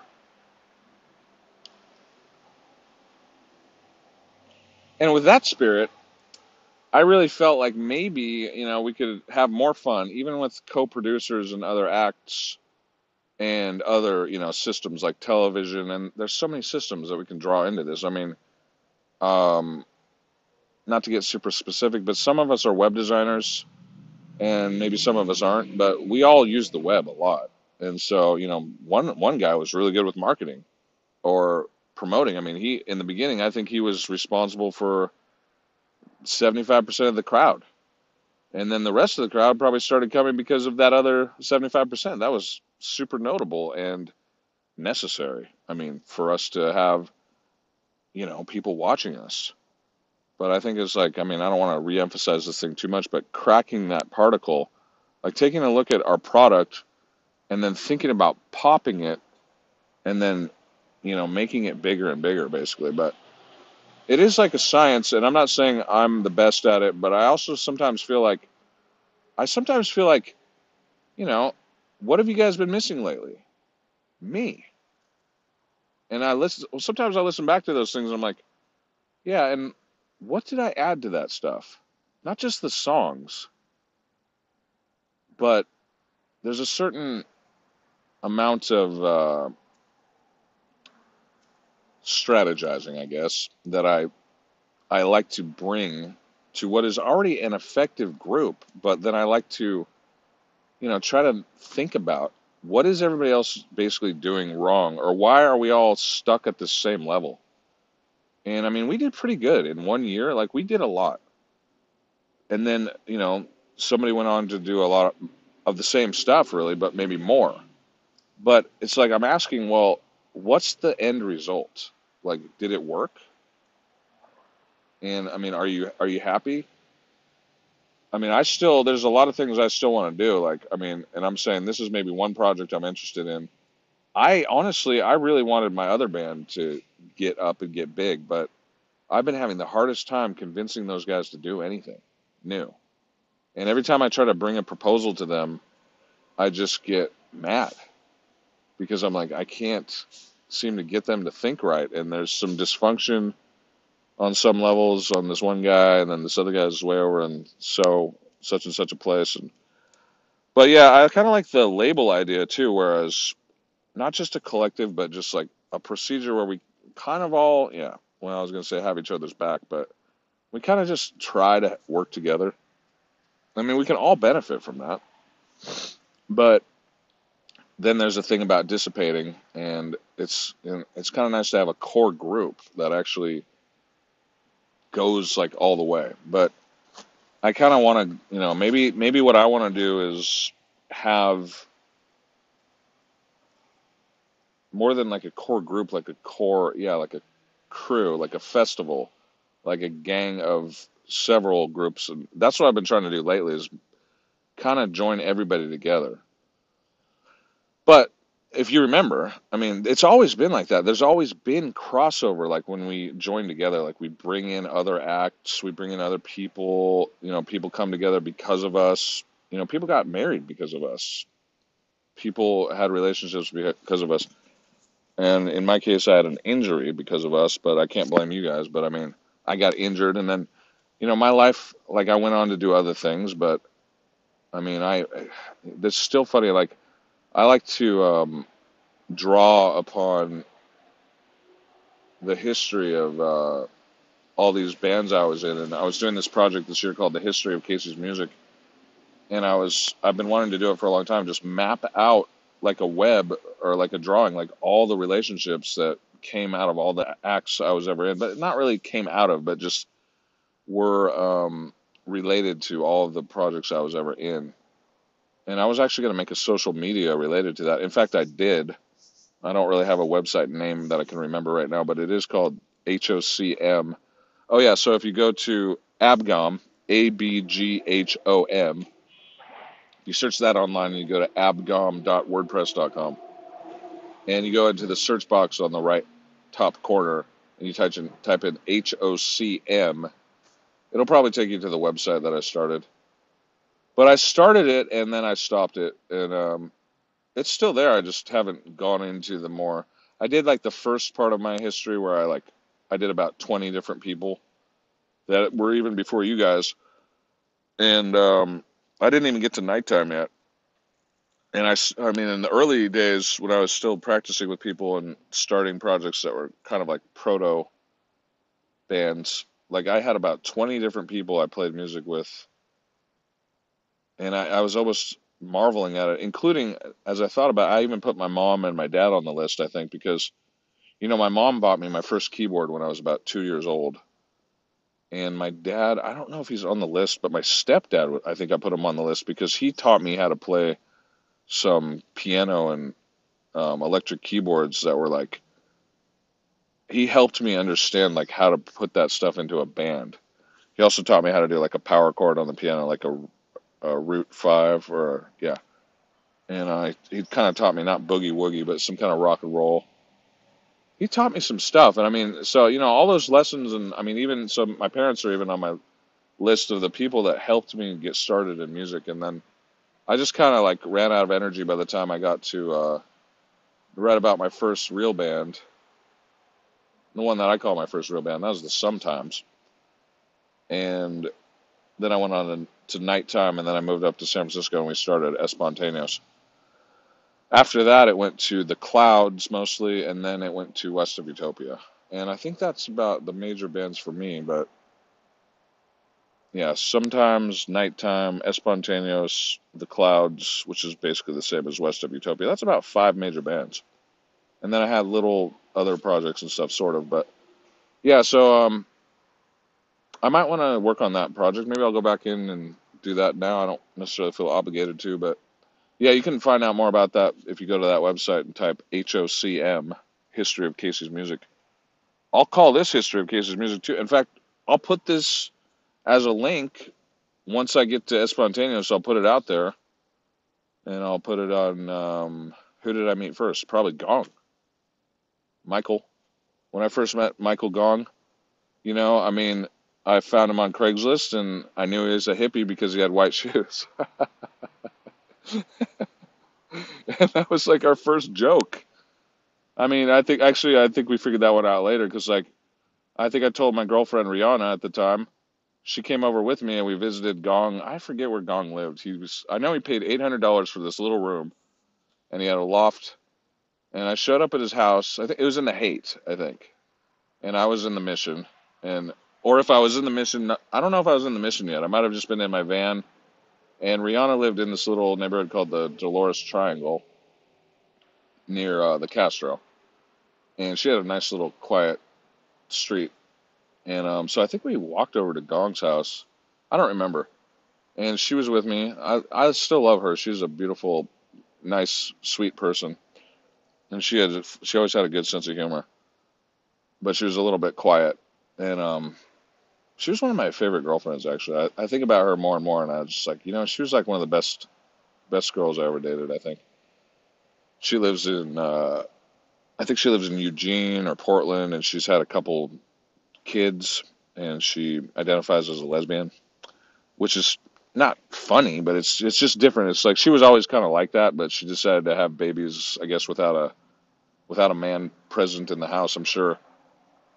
Little secret about that. I'm she still required some substance of a man somehow. Uh, it wasn't me though, I don't think. Although I wonder sometimes if she like stole a condom and froze it in the freezer or something, maybe.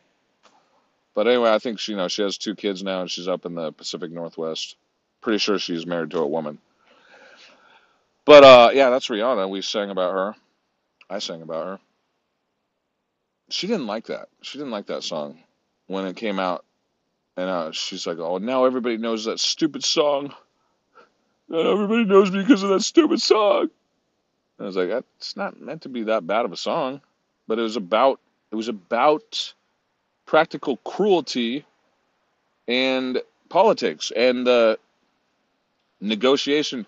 Uh, once again, not to get back into this, but it's like, I think I like you because you and I both think everyone is stupider than us. That doesn't mean that that's a sustainable thought. Uh, maybe I failed as a poet, and I would like this to be emphasized. When I meet someone, if even if it's in my mind, and I think that they're like me in that sense, oh, I like you because you think everyone else is stupider than you, just like I do. I think everyone's stupider than me half the time. And then sometimes I'm forced to realize that I'm stupider than other people.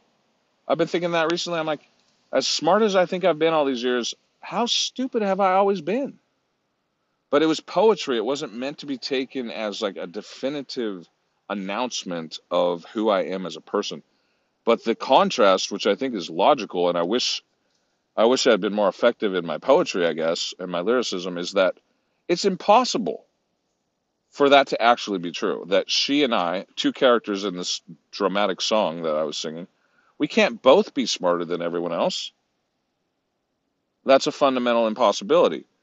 And I think I like you because it reminds me that whenever we do act like everyone else is dumber than us, it's impossible that maybe maybe she is the smartest person in the world.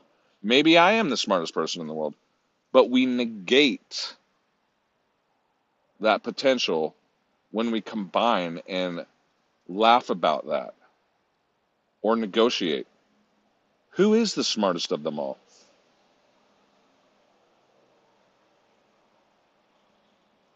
And does it even matter?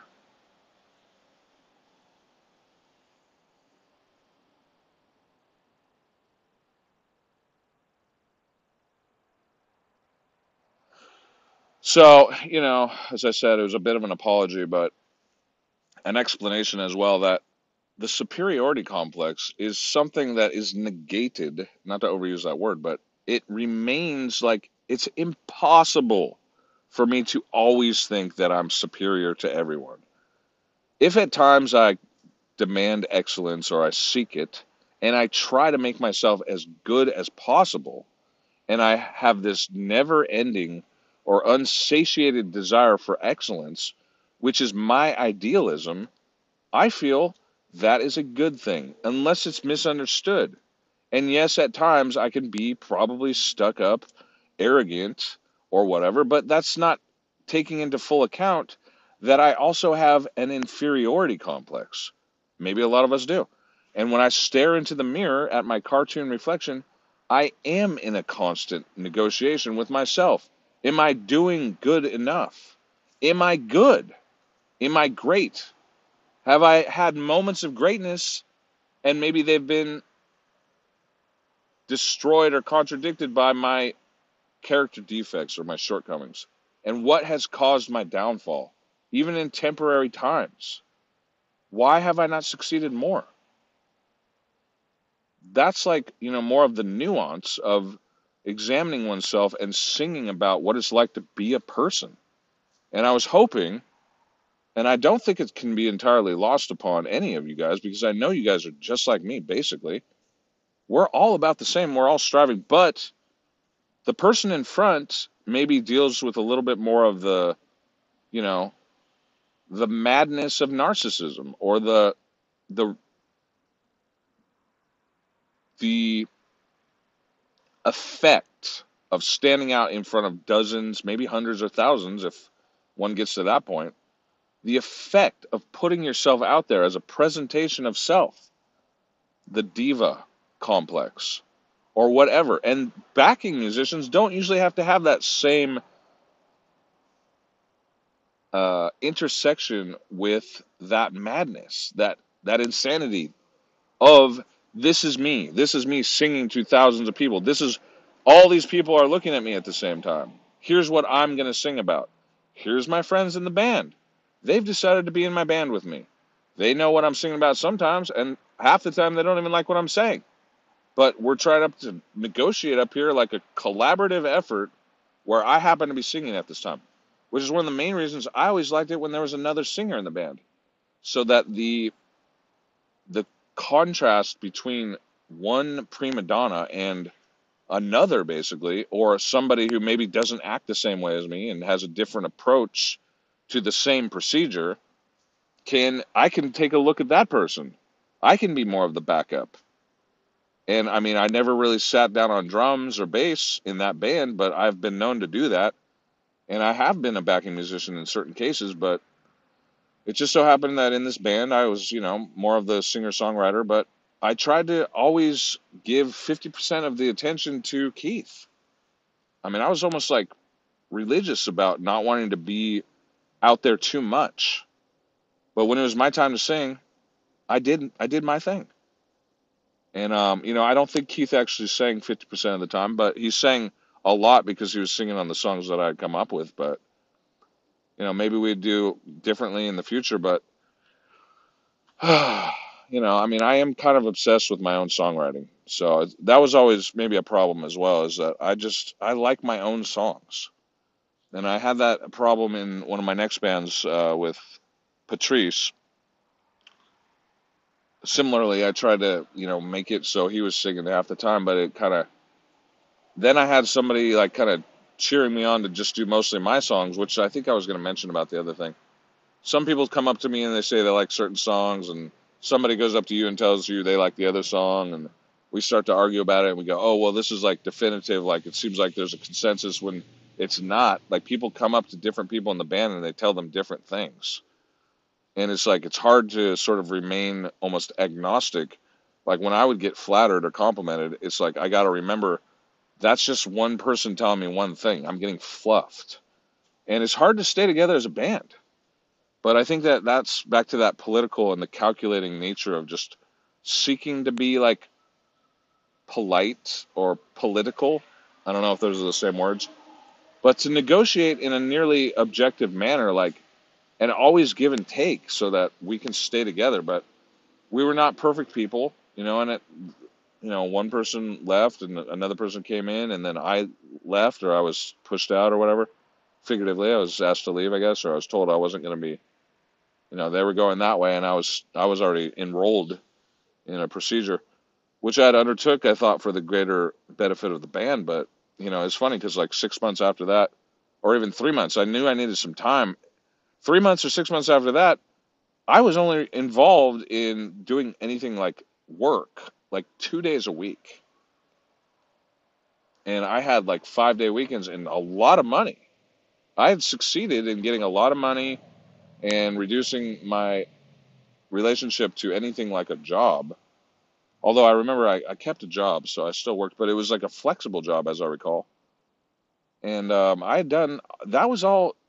I had basically designed that to be favorable for the band. But when it the band was gone, I kind of just had a lot of free time and a lot of money. I drank a lot. I smoked some weed. Uh, you know, I drank a lot of coffee. I bought these expensive coffees at Philz Coffee regularly, like two or three of them a day. I bought packs of Newports, probably because I I don't even want to say why, but Ryan Newport had you know showed me what Newports were, and I thought that they were cool.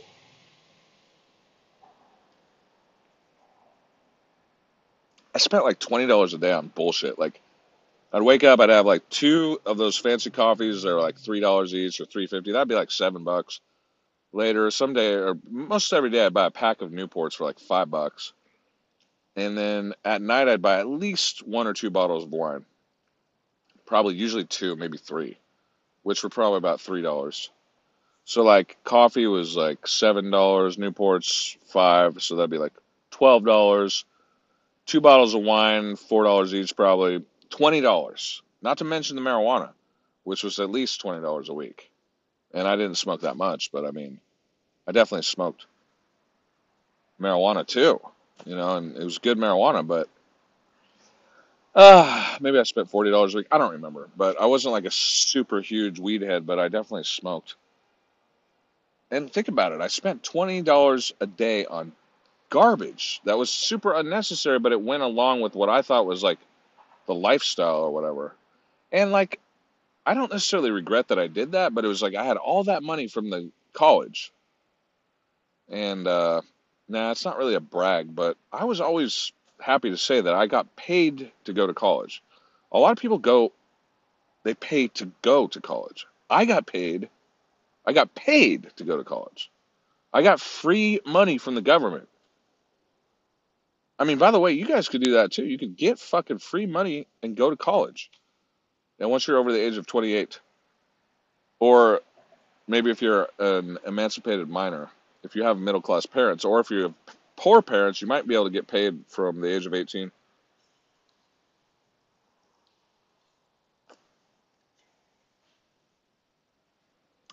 I don't know if I'd recommend it though, but I mean, I could tell a long story about that too. But so yeah, I went to college. I'm gonna do um I went to university. I finished my third and fourth year. I got paid. And towards the end, I took out a loan or two because I was having so much fun. I didn't want to work in the summer, so I took out a loan. And I remember I spent that st- summer just getting high. I got a guitar and an amp. I got an amp. I don't remember. I went back and forth between San Francisco and Santa Cruz. I recorded what I called Western Melodies, and I also recorded Sky Pilot, mostly in San Francisco. And then I also recorded mostly Dark Times, which had that one song I was talking about. It was called Invisible Man. And I could still uh, tell you more about those songs and stuff. Um, I have a lot of those albums. I don't have Western Melodies, which I'm seeking my old friends from that time and hoping that somebody has a full copy of that album. But I'm a little bit um, I'm aware that it I might have lost some of those songs, including Snake and that version of Eve. That was um, Eve. Uh, we also played in uh, at the end.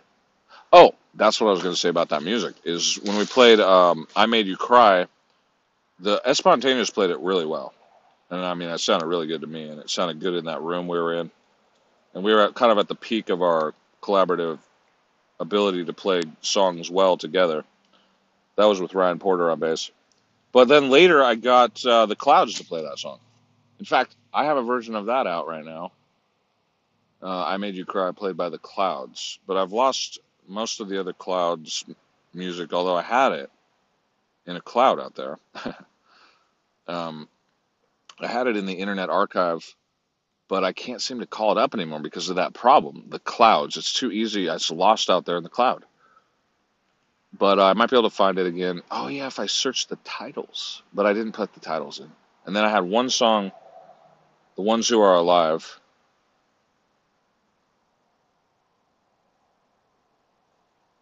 Um, that song I played with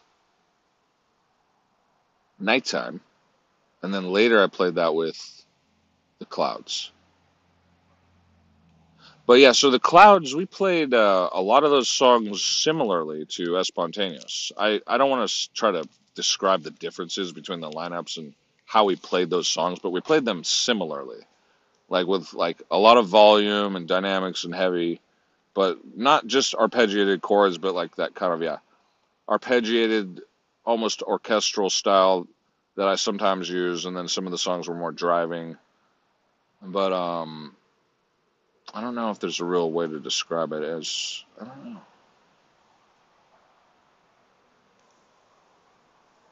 I like it though. All right, so I told a lot of the the secret of how I want to. Um, no, I don't want to say how I want to. Um, the secret of how we could re. Oh, I didn't tell you. I didn't tell you the secret. I did say that I gave it a hint though. The secret of how we could economically represent ourselves on stage I gave a hint. And uh, yeah, I've like I'm trying to say, it's like I want to apologize for those times where it appeared I was being a total dick, and if I was a dick or whatever, I was an asshole. I mean, I was going through a lot of madness at the time too, and I was reaching some level of insanity when my hair was dyed blonde, and we were in Los Angeles or Las Vegas, and we were trying to put on a lot of show, and like I was getting tired and worn out, and I was like kind of losing my mind, and I was trying to have sex with somebody and like I wasn't that into her, but I was kind of into her. And other guys were, you know, had a relationship. We all had relationships with these girls. And not only that, but, you know, I was close to not eating enough. And, you know, I mean, of course, that might not be adequate explanation for why I was behaving like a jerk sometimes, but there was other times where I felt like I was being stern and commanding some of my expectations against maybe one certain person. And you know, I kind of felt like somebody had to say some stuff because somebody was acting out of line. But it's like, you know, that doesn't necessarily mean that I hated the guy, and it, it doesn't necessarily mean I was right. I mean, we were all, you know, kind of competing for control over this um, situation of this band, and maybe maybe you weren't competing over the band, but I felt like you know, leading it was like something we were all kind of doing, and there were times where there were disagreements about behavior and you know, maybe I came across arrogant or self centered. I don't think I was always trying to be like that. I think I was, you know, I just kind of caught up in the madness of it all and trying to negotiate politically effectively for us all. And I tried. I tried. That doesn't mean I always succeeded. So, I mean, that doesn't necessarily mean that, you know, I approve of everything I did back then. I don't exactly know. Because a lot of it is like, how do we interpret those moments where there were disagreements or there was like a, an assessment that seemed to be, mean, maybe that's why I want to like call back some of those times and say, well, it, I didn't really think I was being stuck up or narcissistic. And if I was, it was part of the act. I mean, you know, it's like Ziggy Stardust. It's like, it's like, uh, it is like Ziggy Stardust. And the spiders from Mars. I found out recently, I think his name is Vince. I forget his Vince. There's some rock and roller that Ziggy Stardust was actually based on. I forget his name all the time, but shaking all over. I don't think it was Vince Foster. No, that was the guy that shot himself in Watergate. It's Vince. I fucking I always forget his name, and I try to remember it. It's like Vince. No, because there's Gene Vincent. It's not Gene Vincent, but it's Vince. Somebody will know. I'll look it up again. I always forget his fucking name. But I didn't realize that Ziggy Stardust was actually based on this guy who's kind of like an American rocker, but he's a British rocker.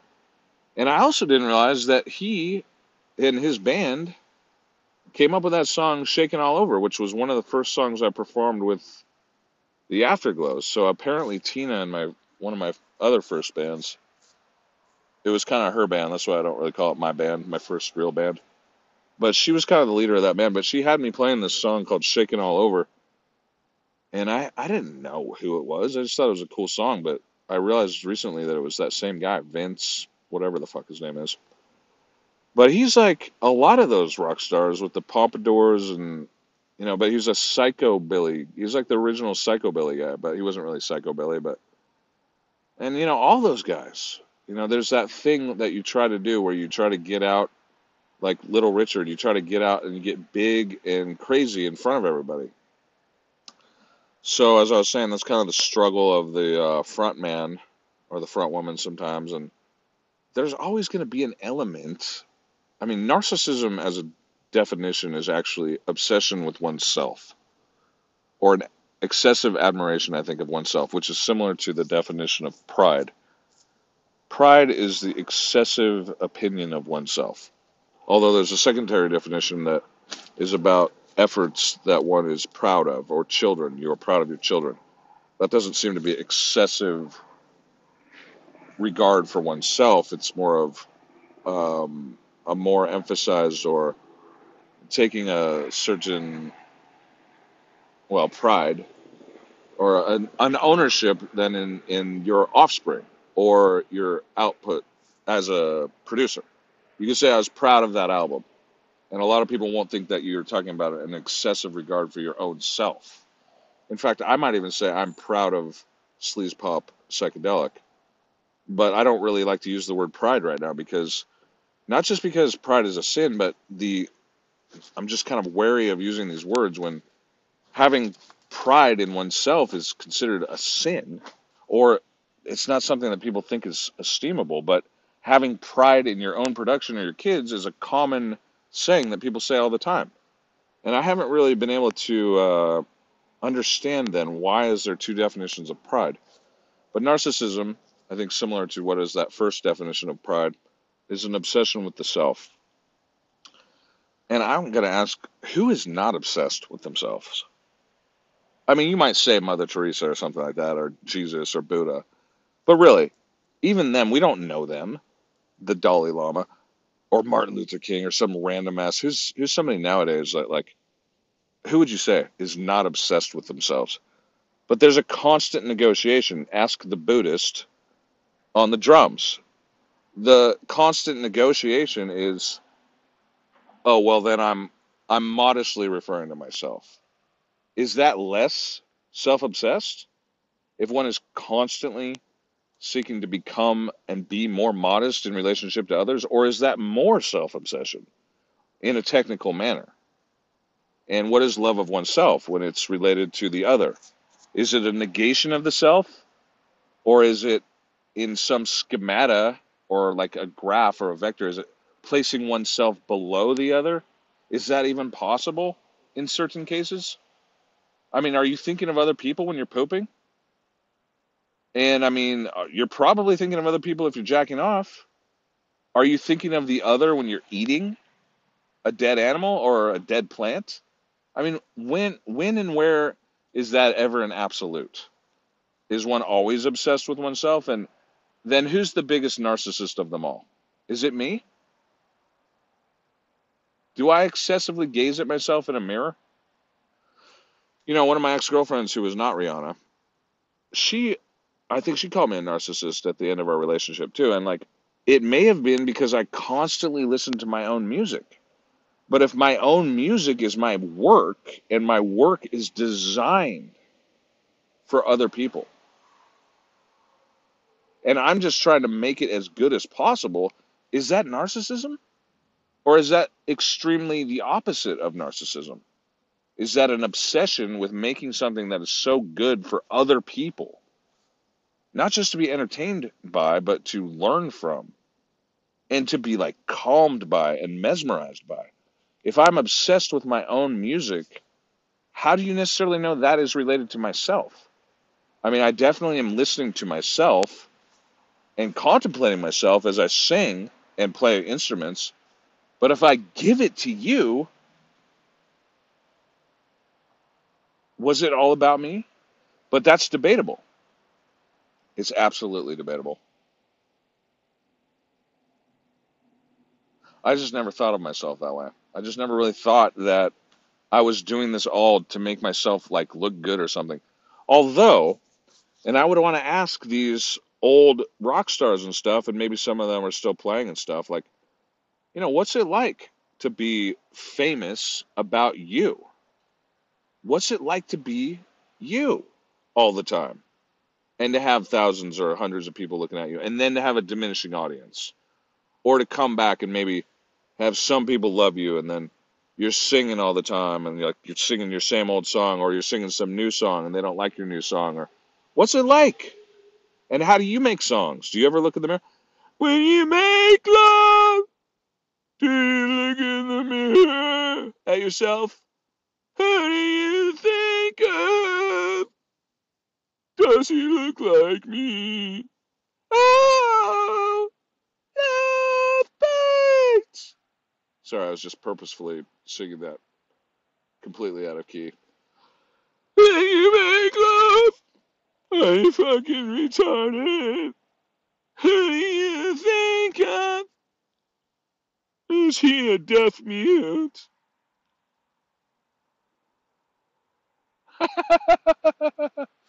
Sorry. I was just thinking about my first porno. I told my friends about it a couple times. I was like, my first porno? Yeah, it was a solo affair, actually. And uh, I had my face painted up like a skeleton. It was another Halloween. It might have been the year 1999. It was about that. And uh, on the last night of working at this haunted house in Santa Cruz, which was a great job, by the way, I went home and I had my face all painted up like a skeleton.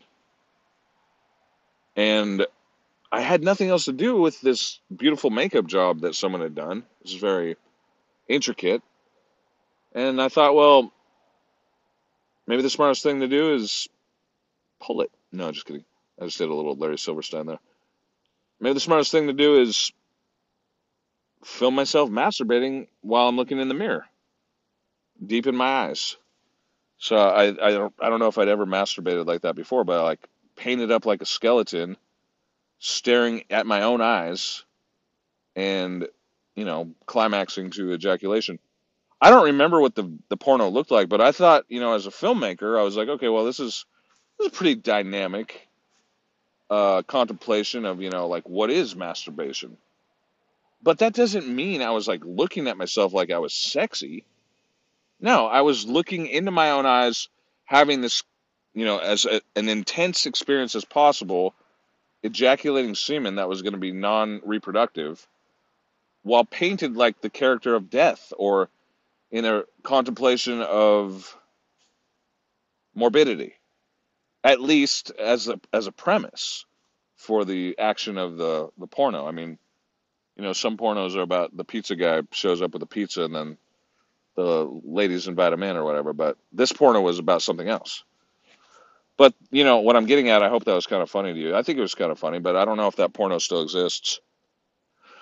But uh, to be the performer and to like contemplate the you know states of existence and you know whatever the topic is, death, life, relationship, casual sex, true love, monogamy, a lot of that, uh, competition.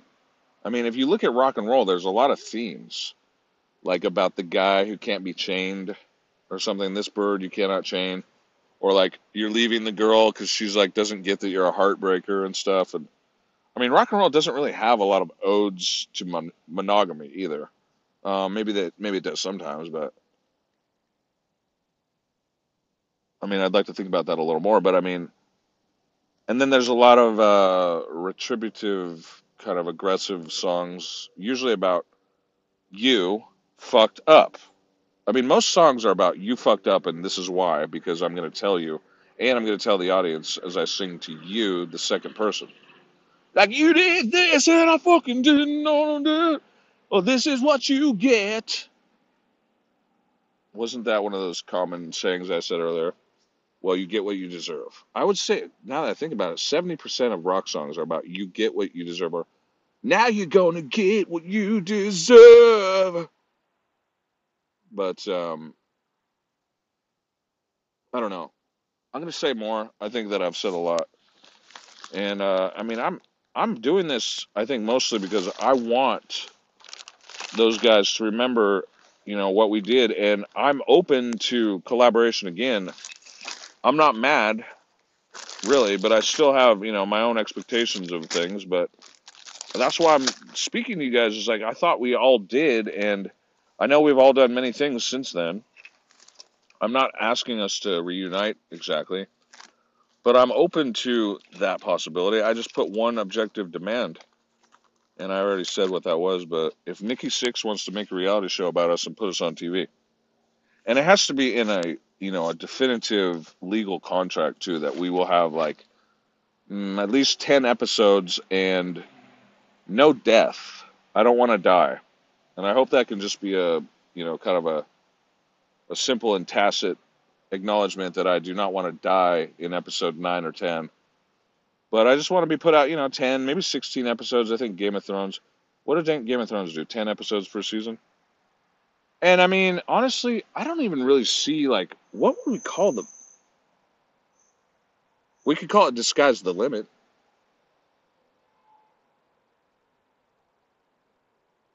I mean, that's you know one of my particular wordplay things that I've been working on. I was just in Austin yesterday, and I was walking down the road.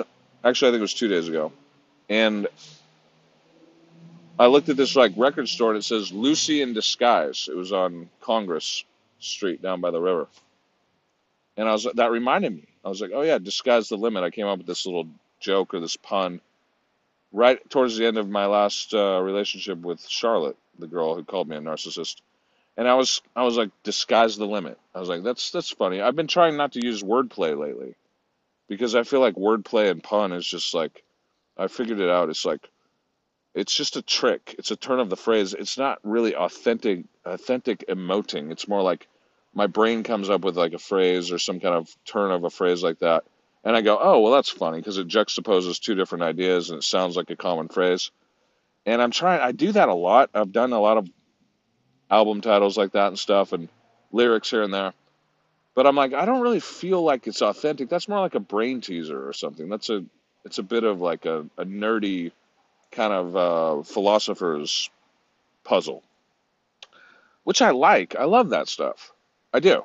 And it's a fine and fair way to contemplate like our reality is to think well disguise the limit. It sounds like the sky's the limit. But it's also something way different. It's like it's kind of a mumbling but if i say disguise the limit i mean it's almost a new strategy. It's like camouflage what we are completely capable of and don't even let them know not that that's meant to be our most inspiring credo but it could be but there's other ways to interpret it as well. Disguise the limit. But that was when I came up with West of Utopia Unlimited Productions. And the rest is history. The history of Casey's music. I'll be right back with a new recording.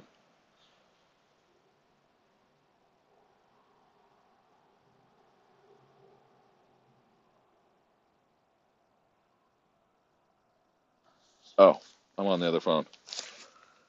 The history of Casey's music. I mean, you're in post production, bro. You cut that out, and the sound bed comes in. It's just like the introduction to Barry. It goes, The history of Casey's music, or some other blaring Motown horn, or fair use, or budget version, or stolen, or licensed, you know, blast of music, or I'll do it. But I've made like the history of Casey's music so easy as a way that we could do it. In fact, that guy Vince, there was I, the way that they made that movie about him as an acid casualty. If you go on YouTube and search acid casualty Vince Taylor, oh, that's it, right? Vince Taylor, because it's like Chuck Taylor, acid casualty Vince Taylor.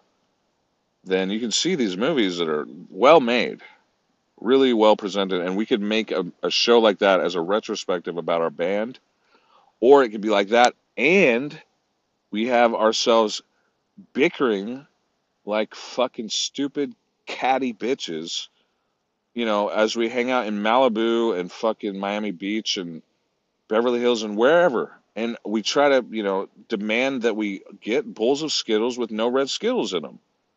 The whole procedure, the prima donna joke, it was always meant to entertain. I don't think it was ever meant to be taken so, I don't want to say literally, that's the wrong use of the word, but it wasn't meant to be an authentic display of who I was. You know, the rock star joke, it was a joke that basically I stole from Spinal Tap. And we made it into a joke. But at some point, it seems like, you know, maybe I took myself too seriously or maybe I started actually acting that way. I'll be right back.